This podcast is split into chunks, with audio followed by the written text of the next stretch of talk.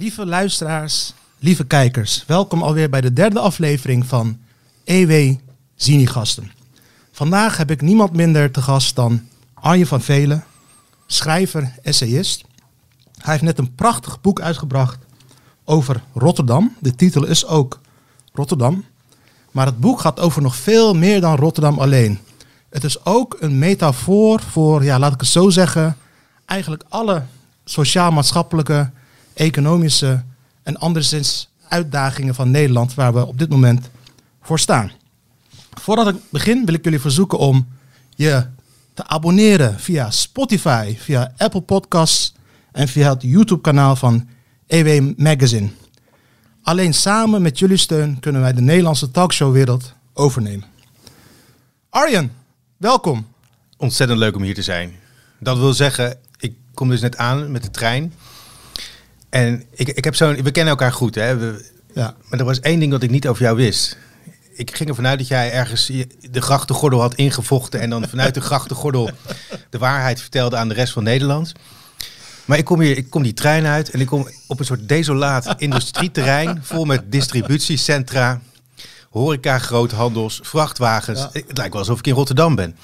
ja. En eh, ja, dat is toch. Dat, eh, dat sluit heel erg aan op, eh, op je boek, toch? Ja, nee, dit, dit pand waar we nu in zitten, voor de, ik weet niet of de luisteraars dat weten, het is een vierkante kolos. Ja.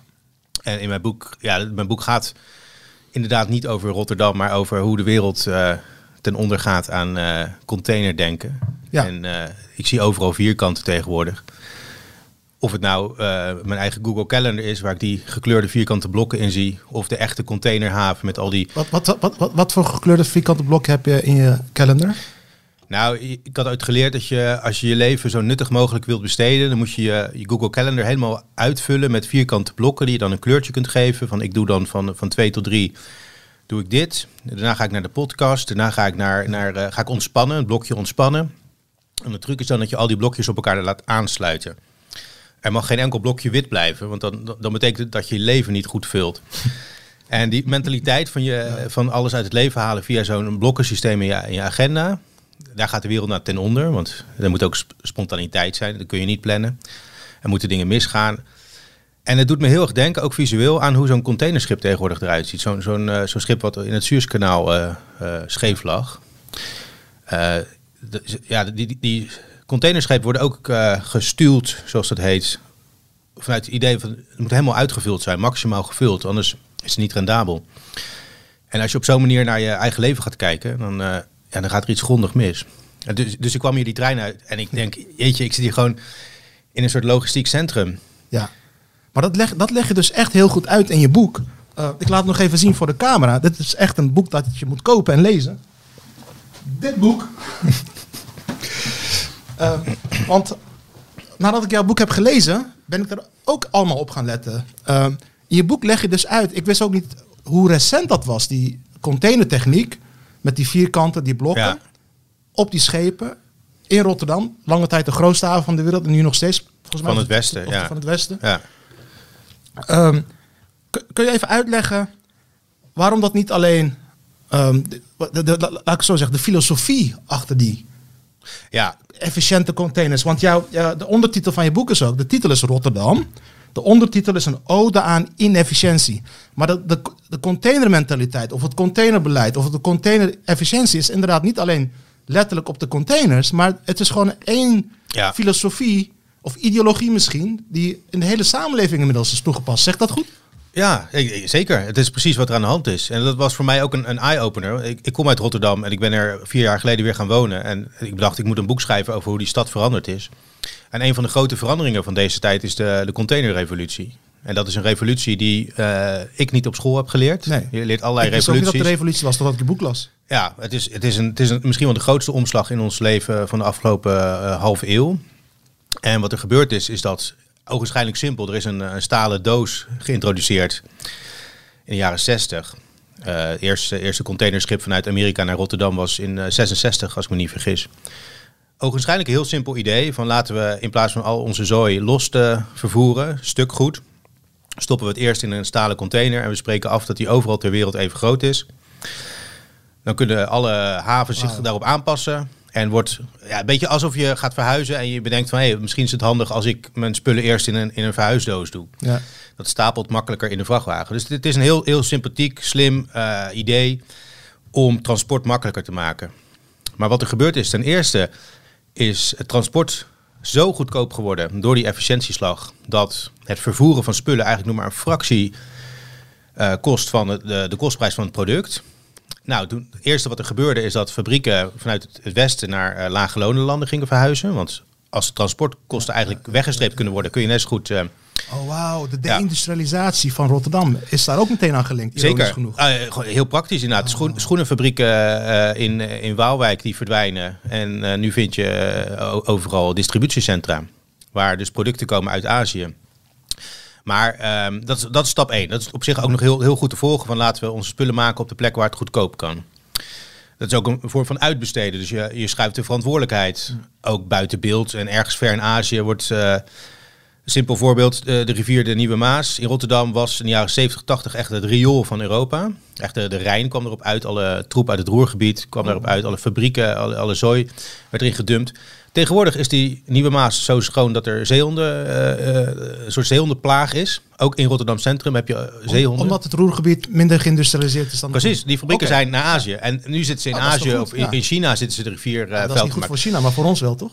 Zeker, dus, maar daar zie je al dat die container heeft een enorm ontwrichtende werking. Dus uh, in China hebben ze nu de, de troep, maar ook dus de opkomende middenklasse. Waardoor China weer, weer machtiger is geworden. De spullenfabriek van de wereld is geworden. Dat geeft weer geopolitieke spanningen. Uh, dus er zijn allerlei verschuivingen geweest door die komst van de container. En uh, Donald Trump is mede het gevolg van die container in, in mijn visie. Oh, um, leg dat eens uit. Nou, ook omdat in Amerika, ik heb daar een tijdje gewoond, verdwenen overal de fabrieken. Ah. En dat zorgt dus voor een soort uh, ontheemde hele, hele dorpen en steden die afhankelijk waren van die, van die banen. En uh, mannen die dachten, ik werk in een fabriek en dat is mijn identiteit. die hadden opeens geen identiteit meer en ook geen werk. En dat is een van de, een van de voedingsbodems geweest voor de opkomst van het populisme. Wow. Ik maak een hele grote sprong, maar ik denk wel echt dat het onderschat is. Omdat ik zelf, dan zit ik op de snelweg en eh, jarenlang reed ik gewoon uh, langs die vrachtwagens en ik zag gewoon een stalen doos. Maar ja. nu denk ik, zie ik dat woord logistiek staan en denk ik, dat is echt het, het meest gebruikte toverwoord van deze tijd en tegelijkertijd het minst uh, begrepen. Ja, ja, dat is echt zo. Ja. Je ziet echt overal serieus. het woord logistiek pas, of pas logistics. door jouw boek heb ik er überhaupt een besef van, absoluut. Ja, het is voor mij ook een revolutie die, die ik op school niet, niet heb geleerd. Het is ook heel recent. Het heeft ons leven totaal overhoop gegooid. En, en dat was voor mij ook de eye-opener. En dat, dat, dat bleek tijdens de, de pandemie pas echt goed. Dat die uh, container, containerisatie, dat het ook een soort containerisatie van ons denken is geweest. Oh ja, hoe dan? Uh, dat heeft te maken met hoe, hoe die logistiek werkt. Uh, je hebt de, de just-in-time filosofie. Ja, dat betekent, dat betekent net op tijd filosofie, toch? Uh, precies op tijd. Precies op tijd. Wat betekent dat? Uh, heel, heel simpel gezegd, van, uh, de, dankzij de container werd transport extreem betrouwbaar en goedkoop. Dus gingen fabrieken denken van ja, we kunnen wel alles hier ter plekke gaan maken, maar we kunnen ook al die onderdelen van bijvoorbeeld een auto oh. uitbesteden aan toeleveranciers. En we, we, rekenen erop, dankzij die betrouwbare transportsystemen, die, die ketens, dat die onderdeeltjes precies op tijd arriveren in de fabriek. Dus dan hoef je zelf geen voorraden meer aan te Exact, je hoeft geen voorraden te hebben. Ah, Kijk. En dus, dus een, fabriek, een autofabriek was vroeger een, een soort uh, megacomplex waar alle onderdelen werden gemaakt en dan in elkaar werden ges, uh, geschroefd. Ja. Uh, de beroemde Ford-fabriek, de lopende band. En de autofabriek is nu een plek, een soort lege hal, waar niks gemaakt wordt. Even heel kort door de bocht. Waar onderdelen arriveren van overal ter wereld. En, sa en samengesteld, en samengesteld worden. Ah, ja, ja, dus het is uitbesteden, het is ook verantwoordelijkheid ik, ik, draag momenteel schoenen van een, mag ik het merk noemen? Ja. Uh, Nike. Uh, het is Nike. Nike. Zo spreek ik het uit. Nike op zijn Grieks. Ik heb dat oh, gestudeerd. Ja. Jij kan, jij, jij hebt ook gymnasium gedaan. Je jij, hebt, Latijn en Grieks gedoseerd. Nike, de, de koningin Nike, van de overwinning. Maar, um, of de koningin, de, de godin. Dan Godin, moet ik het wel goed Godin, zeggen. Ja. ja.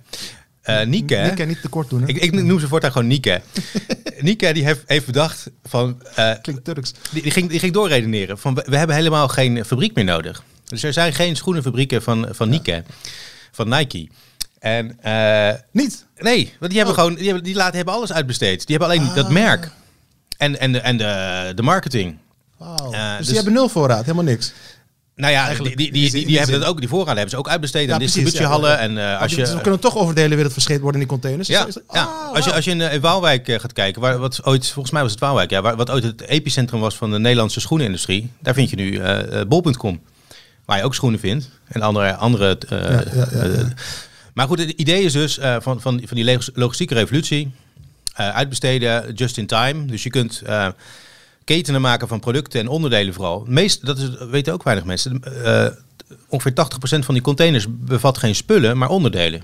Dus gewoon voortdurend zijn Ah. overal over de wereld zijn onderdelen op weg naar assemblageprocessen. Ja, ja, ja. En die, die just-in-time filosofie, die is heel handig, want je hoeft geen voorraden te hebben, dus dat bespaart geld. En ook huur, want je hoeft minder Ja, grote, exact. minder grote Ja. loodsen te hebben, Ja. toch? Of, of Ja. zie ik dat verkeerd? Zolang, zolang alles op tijd komt, Ja. is het een super systeem. Ja. Je kunt ook eh, die filosofie gaan toepassen op, op voorraden van mensen. Dus je kunt zeggen, ja, als wij geen voorraad he- eh, hebben, hebben we ook geen magazijnmeester nodig. Hallo Nederland. Flexarbeid, Hallo ja, nee, ja, Nederland. exact. Hallo. Nee, bedoel, je, je hebt vaak genoeg geschreven hoe die flexarbeid in Nederland eh, uit de klauw is gelopen. Dat heeft ook te maken met dat idee van... eh, als je mensen gaat beschouwen als voorraad, personeel... eh, personeel dat niets doet, is duur. Eh, dus flex is dan een heel logische stap. Sterker nog, Nederland is flex kampioen van, als ik het, van alle OESO-landen. Dat is alle rijke landen in de wereld. Er is geen enkel OESO-land met zo'n zo grote flexibele schil Ja. als Nederland. Ja, en dat is ook exact in diezelfde periode gebeurd. Ja. En er, er is misschien niet een direct kausaal verband, maar wel die, die mentaliteit van eh, niet alleen spullen, maar ook mensen als voorraad gaan beschouwen. En voorraad moet je niet hebben, voorraad is duur. Eh, dus dat is de volgende stap. Mensen als, als eh, spullen gaan zien, als, als goederen. En je ziet het ook in, in ziekenhuizen bijvoorbeeld, waar je... Ja, met name in Nederland, waar de, waar de marktwerking in de zorg heel erg... Ja, niet iedereen Ja. is het erover eens bij de EW-redactie. Het is ook een liberale vrijzinnig blad. Heel goed. prima. Ja. Maar dat is toch wel de waarheid? Nou, ja, ik, kijk, wat ik hoor van mensen die in, ziek, Arendo. in zieke, ziekenhuizen werken, die zeggen allemaal van eh, dat, dat ze eh, Ja, het ook, ook het gevoel hebben dat ze in een soort eh, distributiecentrum Nederland is daar werken. uniek in. Ja. Duitsland is niet zo, in Scandinavië is Ja. niet zo, en Frankrijk, België. Maar een concreet, Nou, dat concreet, ja, nee, concreet voorbeeld, dat, dat was voor mij ook een eye-opener. Want ik ben ook heel trots. eh, kijk, als ik, als ik Amerikanen op bezoek heb in Nederland, dan ben ik trots op Rotterdam. En dan, dan zeg ik dat wij alles perfect geregeld hebben, ook in de zorg. Maar dat is natuurlijk onzin. Een voorbeeld was tijdens die pandemie dat Ja, in België en in Duitsland hadden ze een voorraad van ziekenhuisbedden. Die, die, stonden, die stonden daar leeg te staan. ja. En volgens de Nederlandse filosofie van just in time Precies. en van voorraden wegwerken, Precies. zijn waren die bedden te duur. Dus hebben we ze weggedaan. Dat is echt letterlijk Alsof je, alsof je de brandweer eh, eh, afschaft omdat er geen brand Ja, is. precies. Oh, dat Eh, vind ik een mooie metafoor. ja, Ja, gaat dus- jatten voor een column. Maar die is niet van mij, van mij hoor. Oh. Dus, eh, maar het, is- het beeld is duidelijk. Van die, die, eh, hoe heet het? Die, die bedden, die, als die de leegstaande bedden zijn duur, dus je haalt ze weg. Heel kortzichtig. Want als er maar één keer een, een, een tegenslag is, zoals een pandemie, Precies. dan heb je meteen de, de pop aan het dansen. Duitsland heeft ons opgevangen toen, met, omdat ze genoeg eh, bedden hadden, zeg maar. Toen wa- waren er, waren er niks meer, omdat we hadden afgeschaft. Ja, en, en dat viel me ook. Eerst dacht ik van, eh, zeiden mensen, ja, maar als we, als we duizend bedden extra hadden gehad, dan was het ook wel eh, vastgelopen hoor. ja, maar dan had je duizend levens extra gelet. Had je meer tijd gekocht, ge- gekocht? Het is een beetje alsof Ja, je, de, je zegt laten we de dijk eh, een meter hoger bouwen. En dan zegt er iemand van ja, maar als er een tsunami komt, dan heeft die dijk geen zin. nee, natuurlijk niet. Maar het geeft, dat zei die Van Rans, die, die Belgische viroloog, die zei afgelopen winter, toen Nederland als enige land van Europa weer op slot ging. Precies. Hij zei van ja, eh, als het. eh, Gaat deze winter ook gebeuren als het eh, een beetje misgaat. Nee, precies. Maar hij, hij zei dus ook eh, gewoon als, als eh, onafhankelijk criticasser van Nederland had dit kunnen voorkomen door gewoon. En nog steeds, hè, nog steeds is, is, is die filosofie zo hardnekkig dat de minister van Volksgezondheid, een manager uit, uit Rotterdam, meneer Kuipers, dat hij er weer voor kiest om. Als ik hem. Ja, nee, echt. Ja. Echt een, echt een Oh, goede, integere man ongetwijfeld. Maar het is wel gewoon een, gewoon een manager. En ja, ik, hoef, ik hoef jou niet uit te leggen na het lezen van al je columns wat die, die, die managers filosofie. Nou, dat is, eh, met het land heeft gedaan. aan jouw boek is, ik laat het nog een keer zien in de camera. Voor ik doe de intussen even mijn, eh, jas uit. Terwijl Arjen zich aan een striptease is omdat de studio zo heet is.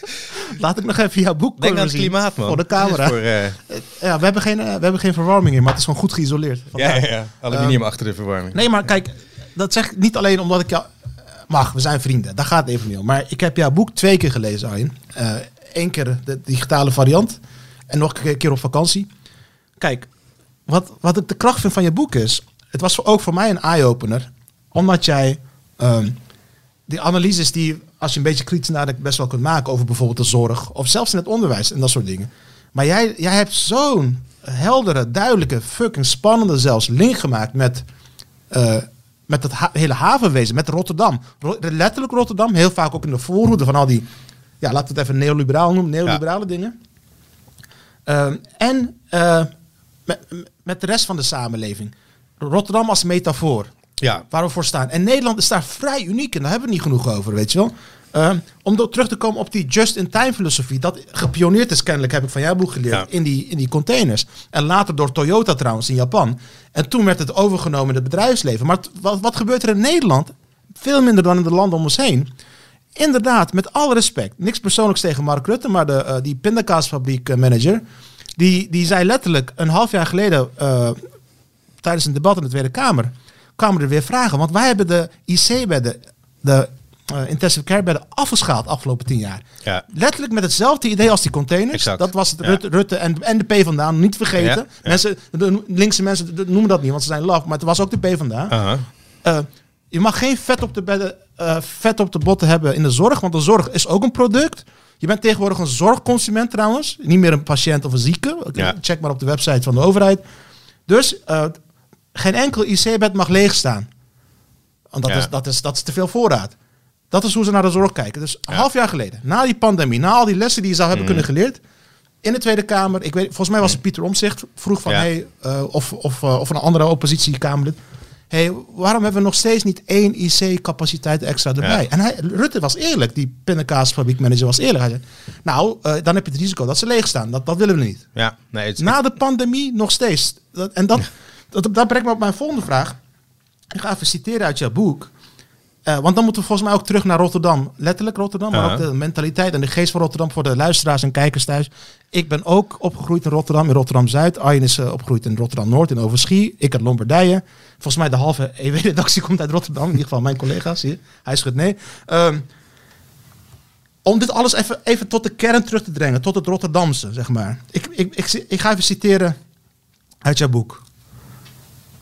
Rotterdam was een bonkende havenstad. Geen stad voor tere zielen. Niet voor de schrijver die ik, Arjen dus, wilde zijn. Hier in Rotterdam ging men prat op anti-intellectualisme. In Rotterdam zei men trots, geen woorden, maar daden. Schrijvers leken er alleen te kunnen overleven als ze hun taal aanpasten. Als ze uitblonken in korte, vierkante zinnen. Alsof zelfs zij zich voor woorden waren gaan schamen. Nou, dat vond ik een van de vele prachtige stukken uit jouw boek. Thanks. Ja, in mijn ogen zijn we allemaal eh, Rotterdammers. Oh, kom op, ik ben naar Amsterdam verhuisd om dat te ontsnappen. Nee. Wat zeg je nou?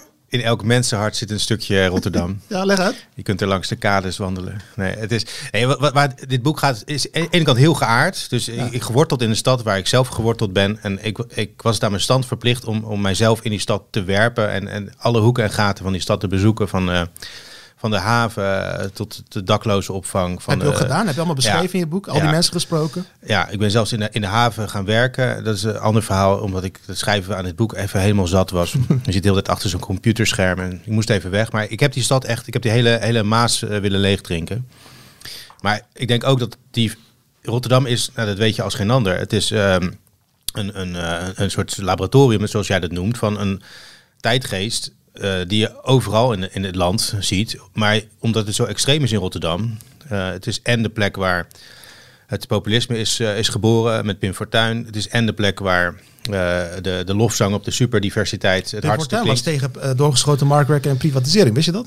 Nou, ik wist dat hij, de, dat hij tegen de Tweede Maasvlakte was. Ja, Om heel, ja, hij wilde daar geen containerterminals, maar villa's laten Hij bouwen. stond aan onze kant. Ja, weet ik, weet ik niet hoor. Pim Fortuyn was ook wel echt een neoliberaal eh, op zijn... Op zijn eh, ik denk dat hij vooral met allerlei winden eh, is meegewaaid.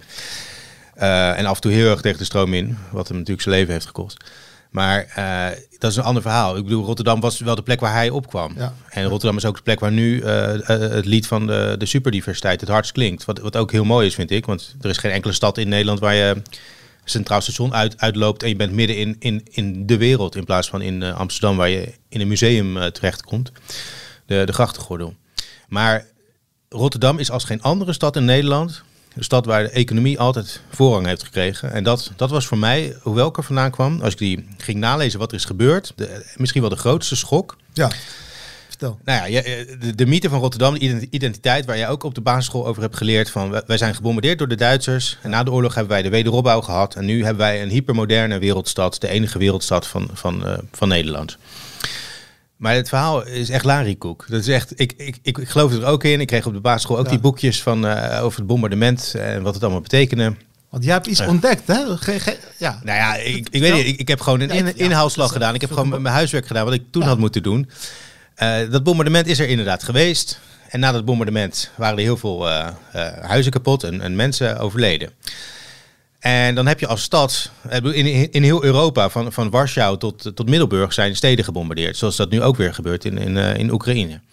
Dan heb je als stad een keuze. We gaan de stad opbouwen, zoals die was, of we gaan een totaal nieuwe stad neerzetten. En je kunt ervoor kiezen om te zeggen, nou weet je wat, die stad van vroeger had wat, wat handicaps, laten we een nieuwe stad bouwen. Dat die, nou, net zoals je, als je huis uh, in de brand vliegt, kun je, kun je je huis opbouwen en net iets mooier dan het was. Maar Rotterdam heeft gezegd, we gaan een totaal andere stad neerzetten. Een stad waar in de binnenstad uh, van Rotterdam, die dus was gebombardeerd, daar woonden uh, 100.000 mensen, meen ik, in 25.000 woningen. En in plaats van die 25.000 woningen, woonhuizen, zijn er 5.000 teruggekomen. Wow. En de rest is volgepland met banken, kantoren, Rot winkels. Ja. Dus, en, en dat is niet omdat die bewoners dat graag wilden. Nee. Zo van, laten wij, laten wij van... Dit is eigenlijk de Rotterdam met avant la lettre, toch? Ja, het is een soort bevolkingspolitiek geweest. Van bovenaf. Door echt, letterlijk door de, de oligarchen van toen. De, de havenbaronnen, de tabaksfabrikanten. Die waren heel invloedrijk. Die hadden ook een soort onder onsje tijdens de oorlog al. Met... Dat, maar dat is, dat is mijn punt. Ja. Het, dit gebeurde tijdens de oorlog al. Gingen ze, gingen ze handen wrijvend bijna. Het was, oh, hier het kunnen was we... al in, in, in de Oh week, week na het bombardement. Is Echt, de hele een binnenstad. eh, of de, in een paar weken na het bombardement. Nou, misschien zelfs wel die week. Zou ik moeten checken. Is de hele binnenstad onteigend. Met één pennenstreek. Dus alle eigenaren, alle huiseigenaren waren een huis kwijt. Tijdens de oorlog zijn er plannen gemaakt de, voor een nieuwe stad. Die waren eerst nog vrij conservatief. eh, in de zin dat, dat je... eh, Maar die- voor de duidelijkheid, die plannen werden niet door de Duitsers gemaakt. nee, nee, door de Nederlandse. Ne- Nederlandse architecten, ambtenaren. En, Architecten, Maar, ambtenaren. maar, eh, maar Hitler keek mee. Ik bedoel, het was wel dat of, Ja, of hij zijn, zijn, zijn hulpjes die, Hij- die, hij had wel een actieve eh, herinnering. Die, die kreeg, ja, die, eh, hij kreeg af en toe een maquette onder zijn neus. Ja. En, en Hitler, eh, en, en dat was het gekke, want hij, hij eh, of in ieder geval zijn, zijn, eh, zijn huisarchitect en, en de Rotterdamse zakenelite, die hadden eigenlijk een soortzelfde idee over die nieuwe stad. Dat Want vond ik dus het- krankzinnig het moest, het moest, boek. niet, niet dat kneuterige steegjes Ja. gedoe zijn wat er was. Maar een soort megalomane, brede boulevards, pompeus. En dat is ook gekomen. En dat, dat was, ja, dat, dat klinkt... Eerst dacht ik van, ben ik nou sentimenteel? Maar als je die oude beelden van Rotterdam Ja, ziet... dat is fantastisch. Jij, jij hebt, oude Rotterdam, jij hebt bij de Oude Haven Dat was een gewoond, stad, ja. Ja, ja. Onder andere, ja. Ja, dat was echt eh, de Jordaan-achtig qua... De, de oude Jordaan, hè? De- toen het nog niet eh, voor, voor, eh, voor Juppen zat, maar gewoon de, de, de volkswijk van Rotterdam. Rondom een klein oud haventje. Zelfs vastgoedontwikkelaars zouden nu een moord doen voor dat stukje Rotterdam. En in plaats daarvan zou er een soort mega verkeersplein komen volgens die eh eh wederopbouwfilosofie. Dat is, dat is niet doorgegaan om praktische redenen vooral, maar wel die mentaliteit van we gaan een stad niet wederopbouwen. Dat, die wederopbouw heeft nooit plaatsgevonden. Er is gewoon een, een an- ander, andere stad neer, eh, is er neergezet. Wauw, zeg hé. Ja. En pas in de jaren zeventig begonnen mensen zich achter de oren te krabben van wat de fuck hebben we gedaan? Het, is, het is koud, kil en, Ja. en lelijk geworden. Het is echt spuuglelijk. Ja. Maar nu, en dat, dat is, je vroeg net van eh, die, eh, ja, het is, het is natuurlijk nog steeds actueel, want die binnenstad is, dat moet zelfs jij toegeven als, als, als liefdevol criticaster van die stad. De binnenstad van Rotterdam leeft weer, er zijn, er zijn weer terrasjes. Als je er nu s'avonds over straat loopt, dan zie je mensen buiten op terrasjes zitten. Waar je ook gaat in de binnenstad. Alleen, het is niet meer de stad die voor de oorlog was, namelijk een echt, echt volkse stad, waar je gewoon alle lagen van de bevolking door elkaar zag krioelen in, in smalle steegjes. Maar het is een stad waar eh, ja, mensen met een, met, met een meer dan gemiddelde portemonnee eh, op terrasjes zitten. En dat vind ik heel dubbel, want ik, ik hoor zelf in die categorie. Ja. Ik, ik, kan, ik kan een eh, duur glaasje natuurwijn eh Maar tegelijkertijd, dat beschrijf je ook in je boek. Het is ook de stad met de hoogste per- percentage Precies. tienermoeders. Ja, de, de armste stad van Nederland. En ja, ik, ik vond het dus fascinerend. Ja, omdat toen ik daar woonde, probeerde ik daar ook eh, in het publieke debat dit allemaal te agenderen, toen het allemaal werd ingevoerd. Ehm, het hele idee bijvoorbeeld van die zogenaamde Rotterdam-wet. Voor de luisteraars thuis die eh, gelukkig niet uit Rotterdam komen. nee, het is grapje. Ik hou van die stad. Ehm, in 2005 werd die wet eh, gemaakt, in 2006 ingevoerd. De Rotterdam-wet heeft heel veel kanten waarvan, je, waarvan ik echt denk dat ze verschrikkelijk waren, toen al. Maar een van de grootste ideeën, echt goed doordachte ideeën was... Als we arme mensen wegjagen, worden ze vanzelf minder arm. Eh, maar dat is helemaal niet gebeurd. We hebben nu al, wat is het? Fucking, sorry, dat mag niet schelden. 17 jaar lang de Rotterdam-wet in Rotterdam. De stad is net zo arm als Ja. eh, eerst. Die- Ja. die, eh, het hele idee van het sociaal beleid, zodat de stad minder arm wordt. Of, dat, dat, dat, dat, dat mocht niet. Ehm, maar nog een aspect die ik ook met je wilde bespreken. Als ik even, even over, die, over die wet nog. Ja, jij ja. was een van de eerste criticassers van die wet. Ja. Toen die net ingevoerd was eigenlijk. Ja, niemand En- luisterde naar en- nee, maar inmiddels zijn er allerlei officiële rapporten. En waarin eh, eigenlijk bevestigd wordt wat jij al zei. Van, hij, eh, die wet is ingevoerd om de veiligheid, te, de leefbaarheid te vergroten. Dat gebeurt niet. En eh, de grootste categorie mensen die de dupe zijn, zijn mensen, mensen me- met een kleurtje in plaats van Absoluut, ja. mensen in het algemeen.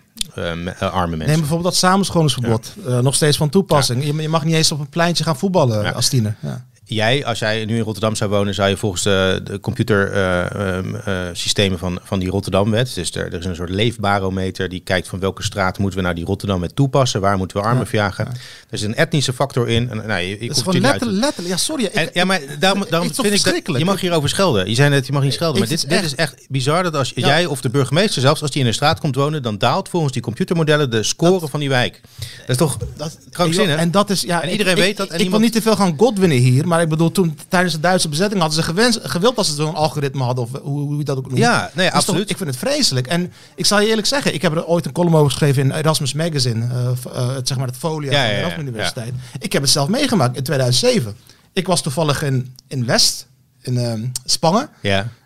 Ik was daar boodschap aan het doen in een etnische supermarkt. En buiten kwam ik toevallig een oude schoolvriend van me tegen. Van het Erasmiaans gymnasium. Een Marokkaanse jongen die daar woonde. Hij was eh, recht aan het studeren. Mhm. En hij was met zijn broertje. Dus we staan buiten in Spangen voor, voor, die, voor die supermarkt Mhm. te praten. En eh, ik was toen, eh, ik woonde toen in Blaak. Ik was toen aan het doseren aan de, aan de universiteit. En ik was bezig met columns en zo. Ik voelde me heel erg gearriveerd. Hè? Ik keek een beetje neer op de arm- armoede. Ja, ja. Wat gebeurt er? We staan daar met z'n drieën. Dus ik en twee Marokkaanse jongens, waaronder een jeugdvriend van me van het fucking gymnasium. Een agent op de fiets, die komt meteen naar ons toe en die zegt wegwezen. Dus ik, ik zeg, huh, hoezo wegwezen?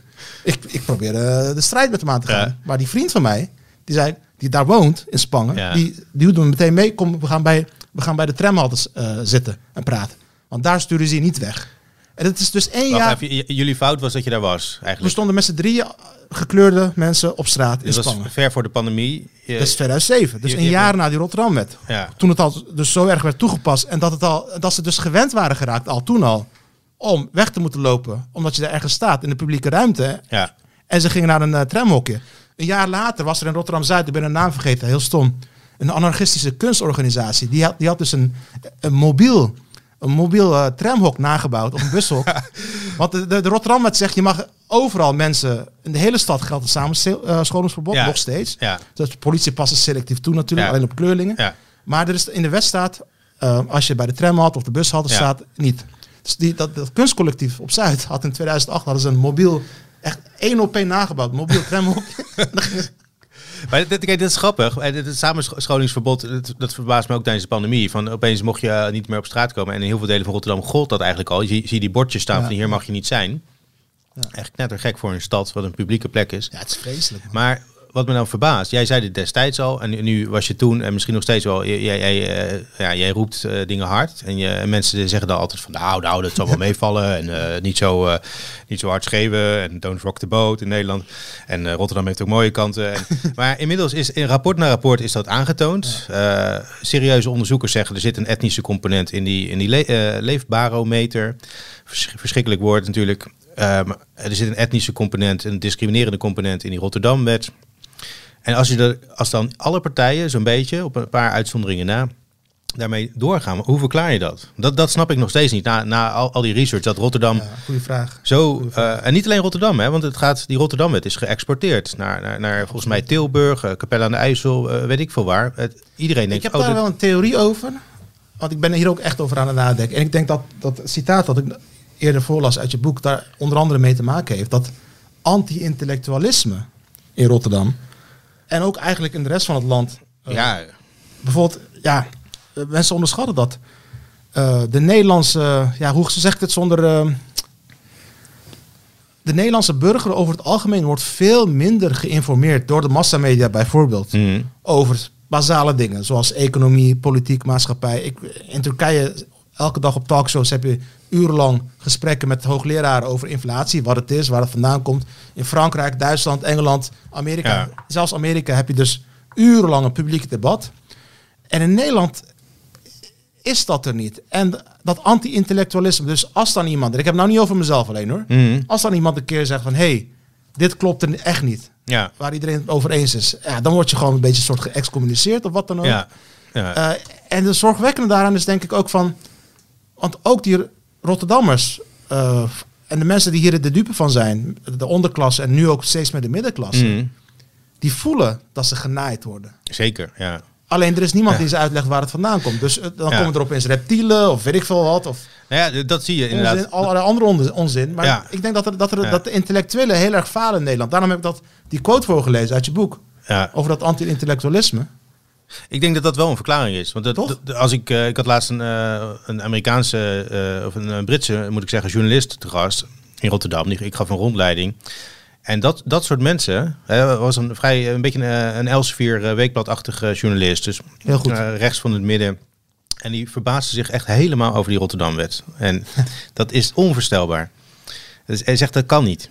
Dat je mensen discrimineert op basis van inkomen en dat er een etnische factor in In de rest van het land hebben ze meteen, Over- over de wereld hebben ze meteen door hoe krankzinnig Ja. het is. Maar in Nederland mocht je er al Ja. jarenlang niks over En, zeggen. en dit, soort, dit, soort, eh, dit is heel normaal, dat, dat Ja. dit wordt toegepast. Ook dat er wijken worden gesloopt. eh, of het nou de Tweebosbuurt is, waar vooral eh, mensen met een migratieachtergrond wonen. Of, of de, de Wielenwouw in Rotterdam, waar vooral witte Rotterdammers wonen, maar die ook minder inkomen hebben. Die worden gewoon gewist, die wijken. En dan zijn mensen verbaasd dat er een soort sentiment... Inderdaad, dat mensen, als, als dat niet in eh, breed wordt opgepikt... of als er niet echt weerstand is van ons soort mensen... mensen die invloed hebben, die een microfoon hebben... Ja, ik zou ook in reptielen gaan, gaan geloven. Ik zou, ik zou ook mijn vlag omdraaien. Ik zou ook eh, rellen. Ja, Nederland heeft de lafste intellectuelen van de wereld. En dat zeg ik niet op de schel. ja, maar hoe denk, hoe denk je dat dat de komende tijd gaat verder gaan? Want dat, is, dat vind ik echt het meest spannende. Want er is nu wel een periode dat, dat aan alle kanten begint dat te barsten. Van mensen zijn echt, al was het maar door de inflatie, super eh, in de hoek gedreven. En dan, ja, die, dat is al jaren gaande natuurlijk. Dat eh, de, de mainstreampartij, de, de VVD, wordt steeds eh, een soort ijsschots die steeds kleiner wordt. En op een gegeven moment zit er die ijsbeer Mark Rutte op. En eh, ja, hoe gaat het dan verder? Wat, Nou, wat, hoe gaat het verder? Want nou, ik denk, kijk, in jouw boek heb je al misschien onbewust. Want je- de kracht nogmaals van jouw boek hier, deze moet je kopen, is omdat je ook nog eens.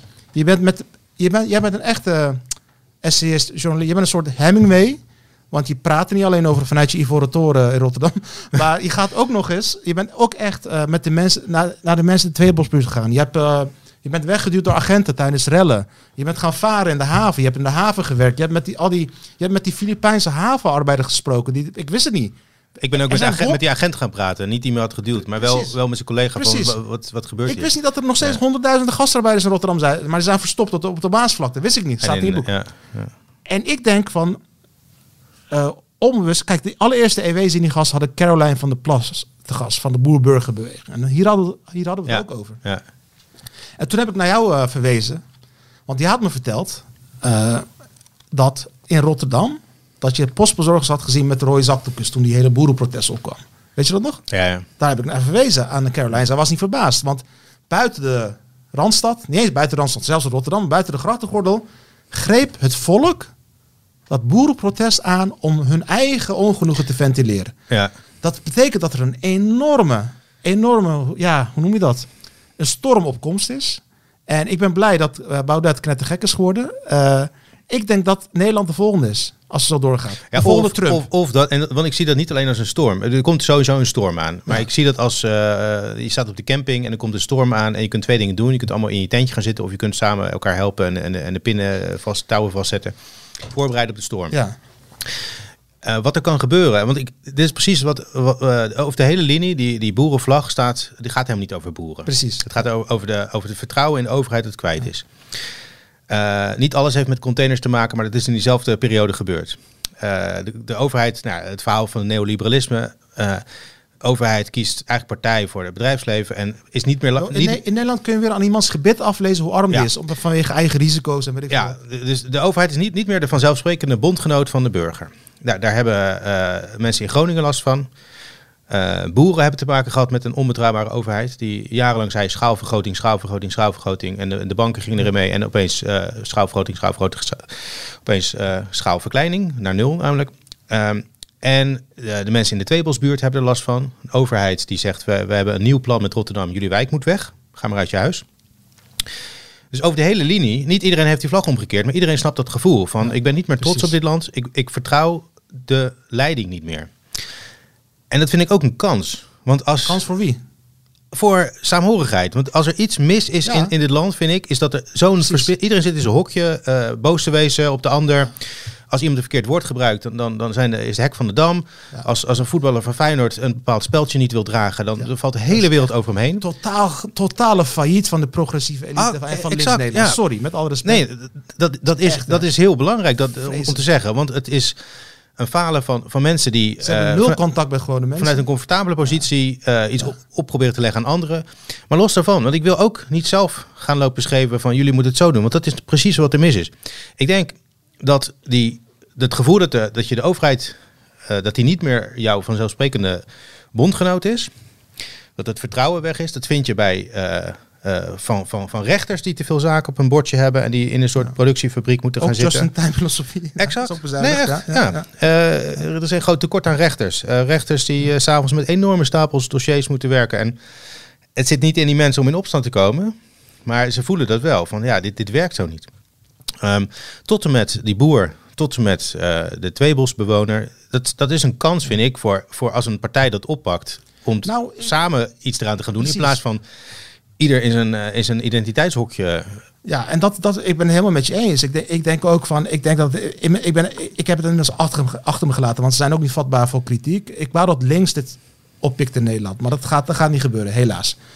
daarom ben ik begin ik langzaam maar zeker enthousiast te worden over bijvoorbeeld een Caroline van der Plas. Mhm. Maar zij is gewoon een beschaafd, beschaafd iemand. Ik heb haar hier ook gesproken met haar over de vluchtelingenproblematiek. Zij is ontzettend voor ruimhartig opvangen van echte vluchtelingen. Nou, dat ga je niet horen van, van uh, um, hoe heet het, uh, Wilders of, uh, ja. of Baudet.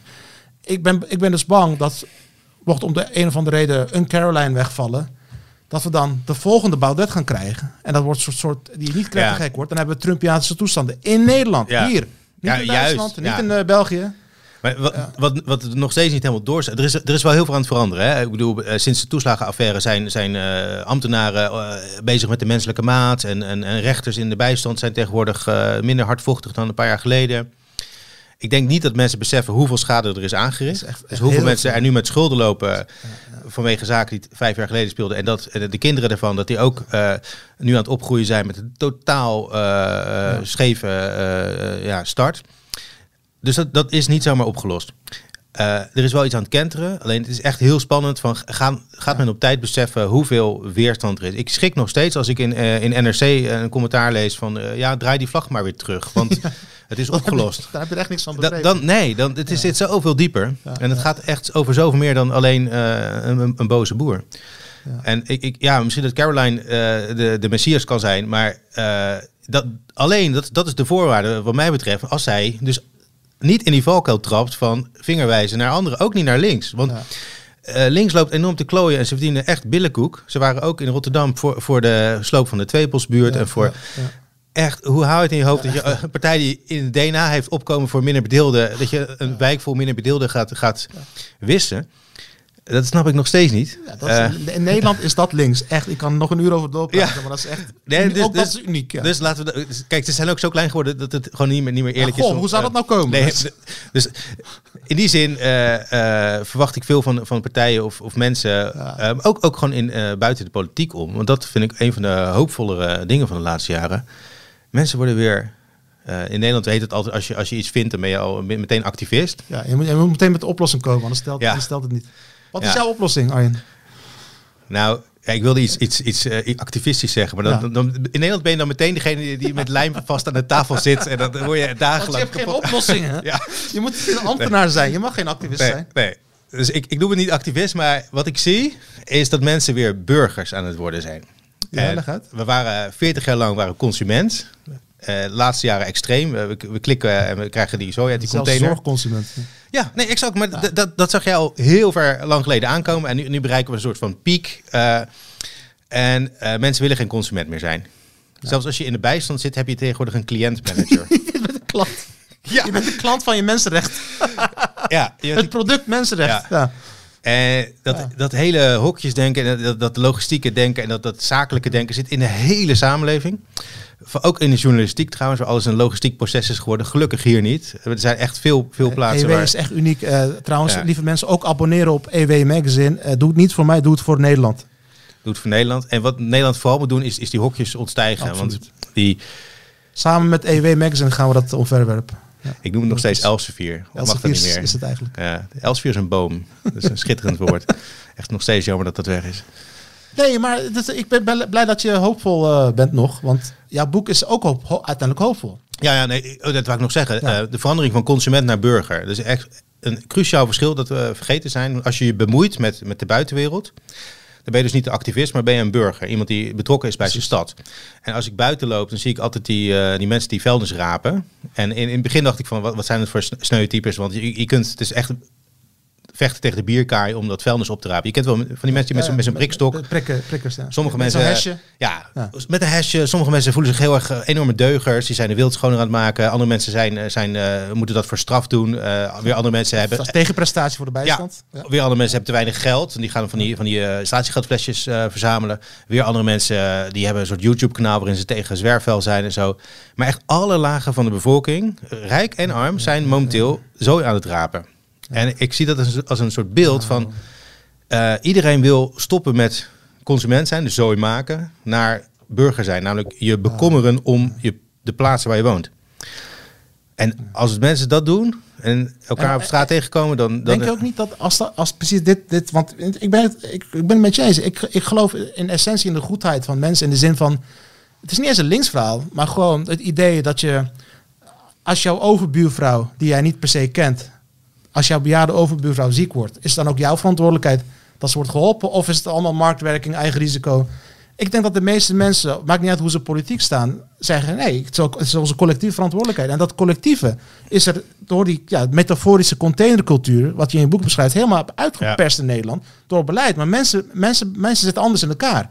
En eh, als er dan ook iemand, als er dan iemand of een beweging of een vakbond, die vakbond is ook failliet in Nederland, iets in staat is om dit basale, deze basale goedheid van de mensen te kanaliseren naar, naar iets, een productief protest. Iets Ja. dat mensen bij elkaar bre- brengt in plaats van kloven vergroten. Ja, dan, heb, dan hebben we winst inderdaad. Zeker. Ja. Toch of niet? Als mensen maar uit, uit, die, uit die hokjes komen van hun Ja, huis. Want ja, dat is de, die atomisering. Die atomisering, ja, exact. Dat is ook een vorm van container, in mijn ogen. Mensen zitten in een hokje, en komen niet meer een buiten, scherm, achter een schermpje, bekijken elkaar via, via Twitter of via, via wat dan ook. En spreken elkaar niet meer. En het- de misverstand is dat het, dat het een soort taakstraf is om, om eh, naar buiten te gaan en eh buren te helpen. Het is echt. Daarom ben ik ook fel tegen eh, de, de, digitaal onderwijs, digitaal overleg. Ja, Het moet af en toe, ik doe het ook. Maar als dat, als dat de norm wordt, dan, dan zijn we alle mensen de connectie kwijt. Ja, nee, absoluut. En dat, dat is, al snel ben je dan nostalgicus als je tegen, tegen techniek bent. Maar het is echt, zeker na de pandemie, als je ziet van theater tot kerkbezoek. Het is allemaal gekelderd. Waarom? Omdat we twee jaar lang zijn getraind om via een schermpje eh, eh, God te, te bejubelen of eh, films te bekijken. Ja. En het Of is toch colleges te volgen. Of college te volgen, hebben. ja.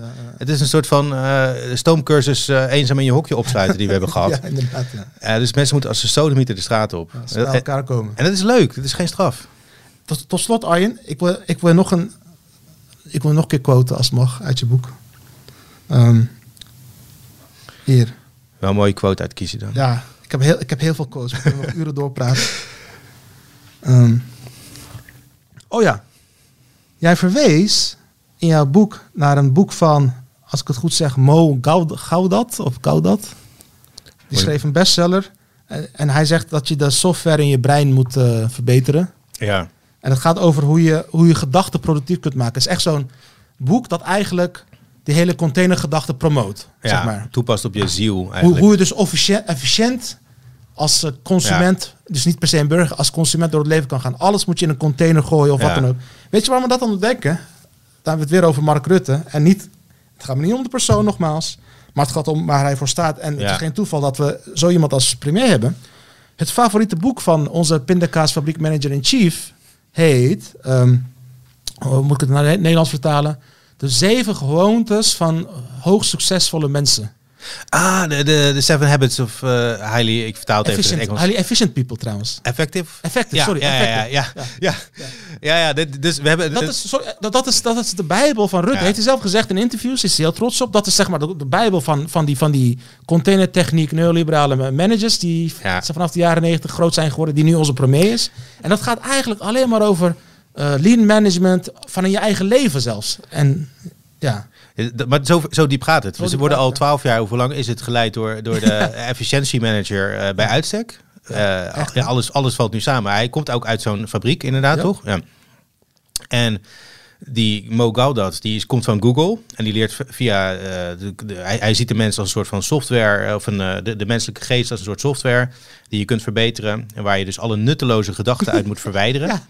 Nutteloze gedachten. Het is echt een kank. Ik heb dat boek niet gelezen, moet ik trouwens zeggen. Want ik stond in de, in de Donner in Rotterdam aan- aan de Koolsingel van. Ik stond dat boek te bladeren op zo'n hele hoge bestseller-toren. en daar lag het boek van, eh, van die Google-meneer. En ik begon te lezen en hij zei: ja, Je moet alle nutteloze gedachten uit je brein eh, verwijderen. En dan, dan zul je succesvol worden. En ik sloeg nog een paar pagina's om. En eh, ik heb er een fotootje van gemaakt. En ik dacht: Dit is, dit is precies waar, waar, wat, wat ik haat. Precies wat we niet moeten doen. Dus ik heb dat nutteloze boek weer teruggelegd. en een, eh, en een, eh, poëziebundel aangeschaft. teruggeduwd. Ja, nee, het, het is, eh, het is echt de ziekte van deze tijd. En de, de wereld gaat aan, aan efficiëntie ten onder. Ja, jouw, bo- jouw boek, de ondertitel van jouw boek Rotterdam, de boektitel is Rotterdam, is dus ook een, een ode aan inefficiëntie. Ja, Ja. ja aan, aan mensen die in de weg durven te staan. Ja. En dat vind ik zelf heel moeilijk. In de weg staan in de zin van gewoon mens zijn.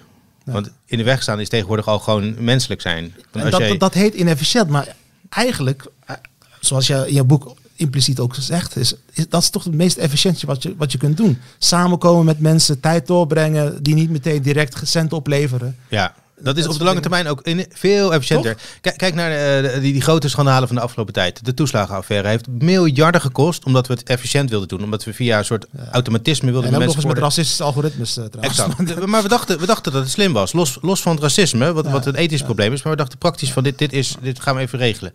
Het heeft miljarden gekost, extra. Omdat we nu allemaal boetes even automatisch weer gaan, eh gaan Sorry dat ik terugstorten. het onderbreek, maar jullie- nu dit zegt, ik besef me nu ook dat dat ook lean management is. Weet je waarom? De slachtoffers, ze mochten niet eens één komma fout doen. Ja. Dat is, dat, want het moet lean, weet je wel. Ja. Maar geen ruimte voor... Ja, nee, het, is, het is alles of niets, één of nul. Het is heel, heel digitaal. ja, ja. En ook bij de bijstand. En, ook, eh, en, en, en eh, het is dus uiteindelijk, efficiëntie kost altijd meer geld. Sinds we Het containers is niet hebben... eens efficiënt. Nee, natuurlijk niet. Efficiëntie Nee. is inefficiënt. Het, het, het, ja, dat is... Ja, nee, maar... Ja, maar het, het stom is, het was voor mij ook een eye-opener. Maar Ja. je bedenkt van eh, de jaren 70 eh, waren containerschepen, of de jaren 60 hadden ze 200, 300 containers mee. En nu eh 20.000. Dus dat is de sprong die we hebben gemaakt. We, onze vuilniszakken zitten eh, vijf, we hebben vijf keer meer vu- vuilniszakken per week dan, eh, dan de generatie van onze ouders. Die, die, dus die liepen één keer per week met die vuilniszakken en wij, wij vijf keer. Dus eh, wat is dan efficiënt? Ja. Eh, efficiëntie is eh, in het geval van Rotterdam is de, de, de meest de haven is de meest efficiënte organisatie van een weergaloze verspilling.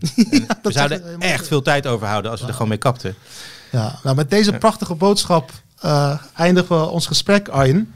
Ehm, ik wil je heel erg bedanken voor je komst. En ik wil iedereen nogmaals heel erg aanbevelen dit boek te kopen van Arjen van Velen. Rotterdam, een ode aan inefficiëntie. En echt, we hebben nog maar de surface gescratcht van alles Ja. wat we hebben kunnen bespreken uit jouw boek. Het is echt zo, en het leest lekker weg. Hij, Arjen is ook in staat om jou als lezer mee te nemen in zijn avonturen en in zijn ontdekkingsreis. Het is echt prachtig. En dat zeg ik niet omdat ik je niet mag. Ik mag je geen eens. Arjen, eh, dank voor je komst. Ik heb wel nog een eh, heel belangrijk en heel efficiënt cadeau eh, voor je. Oh Die wil ik je overhandigen als je met mij... Moet ik eh, opstaan? Oh jee. Is er muziek? Bij Zini-gasten. Dus ook muziek gaan we regelen in de montage. Dit is het belangrijkste cadeau uit je leven. Heel efficiënt. Als je het wil uitpakken. Zijn we nog te horen? Of, eh, Dit is net Oprah, toch? Dat je wel een cadeau onder je stoel hebt. Ja. En ik zal het goed bewaren als ik jou was. want Het wordt later heel veel geld waard. Ga je wat suspense opbouwen?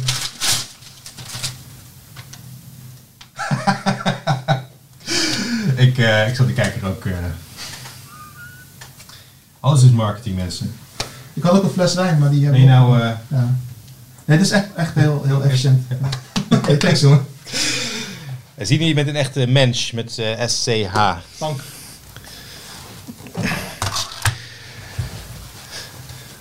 Dankjewel, leuk om hier te zijn.